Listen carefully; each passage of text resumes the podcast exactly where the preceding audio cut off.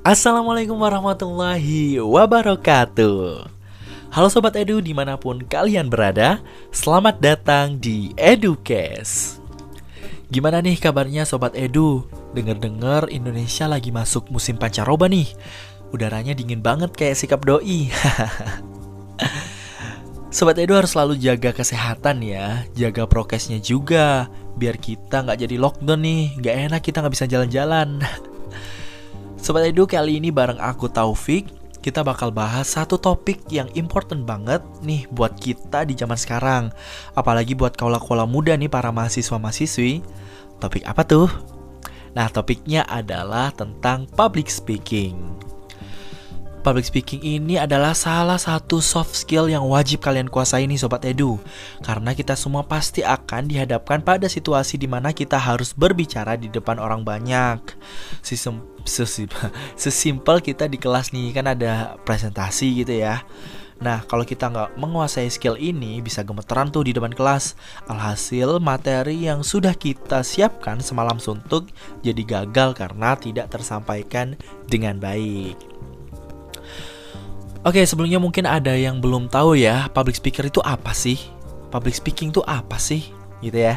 Nah, gampangnya public speaking ini adalah proses komunikasi yang dilakukan di hadapan halayak ramai yang tujuannya adalah memberikan informasi, mempengaruhi atau menghibur orang banyak.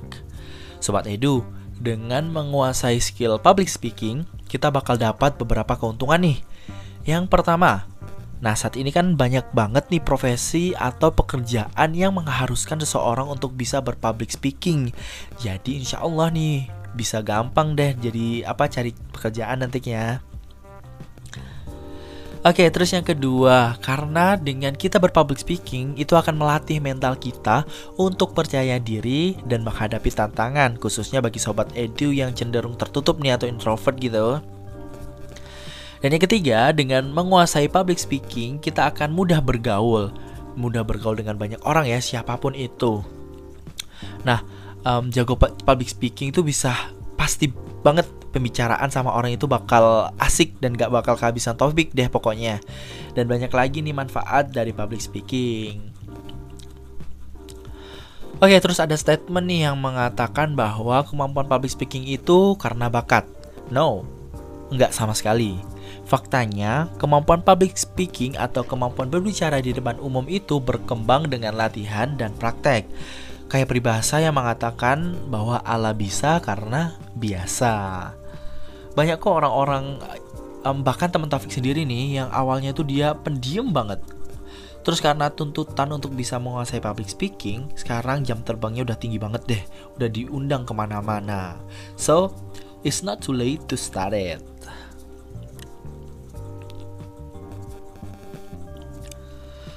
Terus kalau misalnya ada sobat Edu nih yang nanya, Kak Taufik, Kak Taufik, aku udah berlatih nih biar bisa jago public speaking.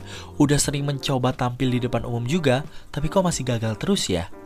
Nah itu sebenarnya ada di dalam diri kalian masing-masing nih. Mungkin dalam diri kalian tuh masih ada rasa takut atau gugup. Penting banget nih sobat Edu buat mengontrol rasa takut atau gugup, gugup itu. Dan itu merupakan hal pertama yang harus kita lakukan dalam berpublic speaking.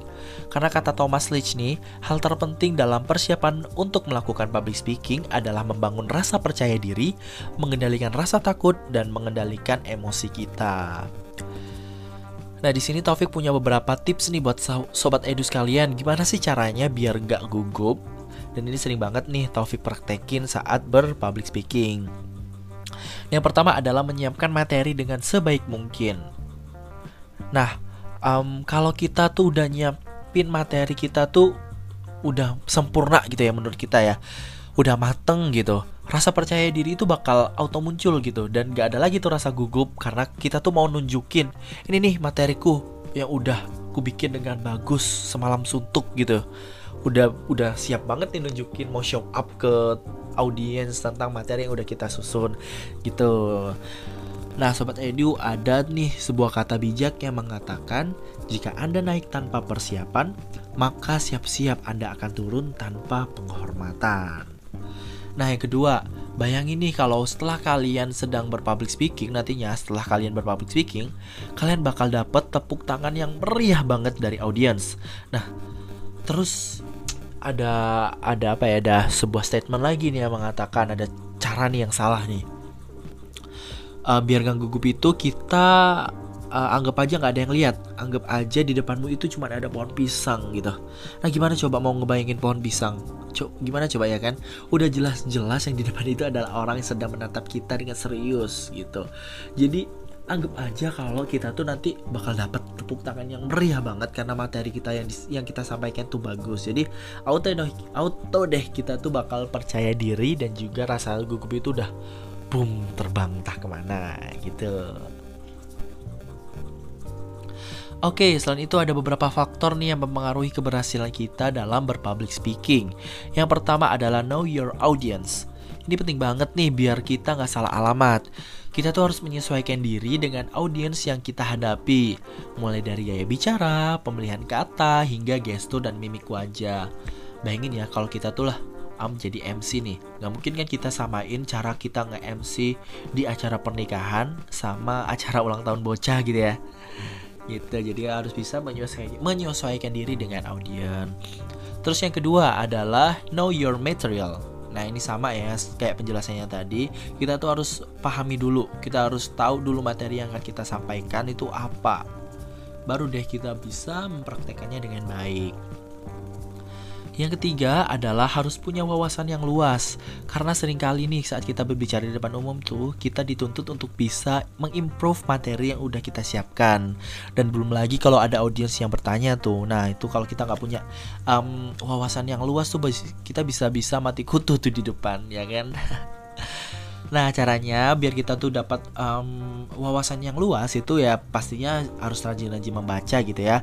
Atau sekarang nih bisa dengan mudah banget nih kita mendapatkan berbagai informasi untuk menambah wawasan kita yaitu dengan cara memfollow akun-akun IG atau TikTok nih yang sering nge-share pengetahuan-pengetahuan umum yang bisa nambah wawasan kita. Dan yang terakhir adalah good looking. It's good looking ini bukan berarti harus ganteng atau cantik ya. Yang notabene itu emang bawaan dari lahir. Tapi good looking di sini adalah kita harus selalu menjaga penampilan, mulai dari kebersihan diri, kerapian, kewangian, cara berpakaian. Mungkin kalau cewek itu bisa pakai make up, sampai grooming harus selalu diperhatikan. Oke deh sobat Edu kayaknya udah terlalu lama nih Taufik ngebacot Taufik udah ngoceh gini ya jadi itu dia um, isi dari topik bahasan kita kali ini tentang public speaking. Sebenarnya gampang kok jadi a good public speaker. Cuman kita tuh harus harus giat berlatih, harus giat mempraktekkan gitu ya. Dan yang paling penting adalah menghilangkan rasa gugup kita.